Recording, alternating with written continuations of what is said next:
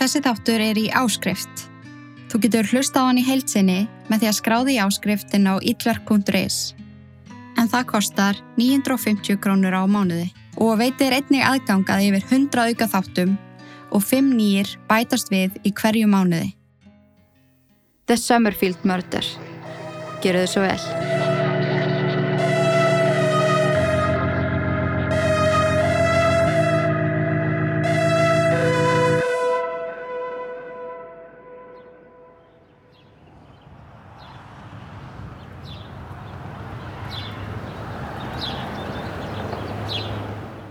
Við skulum bræða okkur frá kalda Íslandin okkar yfir til Flórida.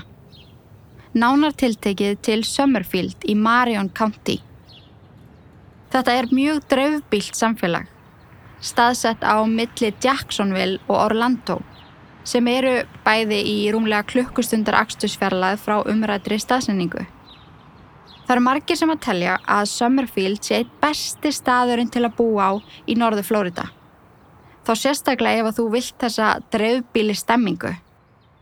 Þánga flytur fólk og byggir sér stór og stæðileg hús. En á sama tíma er líka mjög mikið um íhaldsama sem að kjósa að búa í hjólísum. En það er mjög mikið að velhyrstum og gróðri vöxnum hjólísasvæðum í Summerfield. Glæpatíðin er lág, þú farið þeitt næði, þína nátturu paradís og fólk hefur það yfir höfuð freka gott. Og það er klálega eitthvað sem að hjónin Sonja og Scott Jackson uppliðu í öll þau ár sem að þau voru búsett í Summerfield. Saman áttu þau senina Scott Jr. sem var fættur 1993 og Seth fættur 1996. Þann 18. apríl árið 2011 umturnaðist þó rólindist líf þeirra. Dagurinn hófst sem óskupvennilegu mánudagur, eða kannski ekki alveg. Seth var ekki heima um morgunin og hann svaraði ekki símanum. Ef að það hefði komið fyrir ári áður þá hefði þetta talist mjög óvanalegt og foreldra hans hefðu orðið mjög ágifullir. En núna þá átti Seth kærustu og það var mjög algengt að hann gisti á henni. Vanalega leta hann samt vita af sér en það kom alveg fyrir að hann gerði það ekki, eins og í þessu tilfelli. Seth var ekki heima og foreldra hans þau Sonja og Scott var í vinnuna og yngri bróður hans í skólan. Þegar þau koma svo öll heim klukkan 5, þá fóru hlutinir að vera mjög óvanalegir. Því að ennþá hafði Seth ekki skilað sér heim. Ekki svara neinum skilabóðum, nýja ringt tilbaka. Og það er eitthvað sem hann myndi aldrei gera og hafði aldrei gerst. Scott ringir í sína vini sem að eiga eldri sískinni því að mikið af þeim voru vinir Seth með honum bæði í skóla og íþróttum. En enginn kannast við að hafa séðan. Skott og Sonja ringja líka símtöl, svo sem í móður kærustu seth. Og í símtalenu við hana komu fram upplýsingar sem að komu þeim verulega óvast og fenguðu til að hugsa að nú væri eitthvað að. Móðurinn sem að heitir Tracy Wright að í fyrsta lagi þá hafa hún ekki séð seth í mjög langan tíma og í öðru lagi þá séu hann og dóttur hennar lungu hætt saman.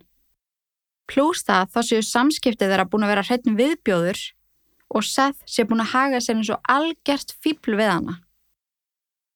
En þau áttu sér að hafa verið í eitthvað skonar Facebook stríði. Fóreldra Seth áttu ekki Facebook svo að þau hafði ekki neinu en það átti fljóðlega eftir að koma í ljós að þetta Facebook stríði eða svo má kalla átti sér vissulega stað og stóði yfir í langt tímabill á melli Seth og kærustu hans eða fyrirvændi kærustu hans. Þar sem á þau tvö og fleiri létu virkilega ljót orð falla um hvort annað.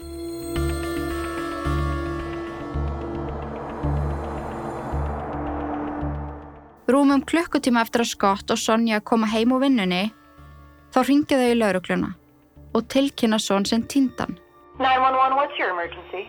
En meða við upplýsingarnar sem að þau hafðu á þessum tímapunkti sem að voru mjög fáar þá hafði enginn séð sett síðan daginn áður eða sunnudaginn 17. apríl 2011.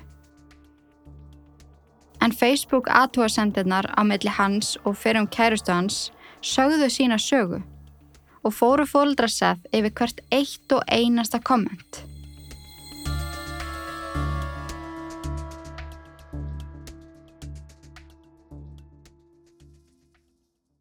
Stríðið verðist byrja þann 3. apríl árið 2011 og þetta eru komment tekin af Facebook síðu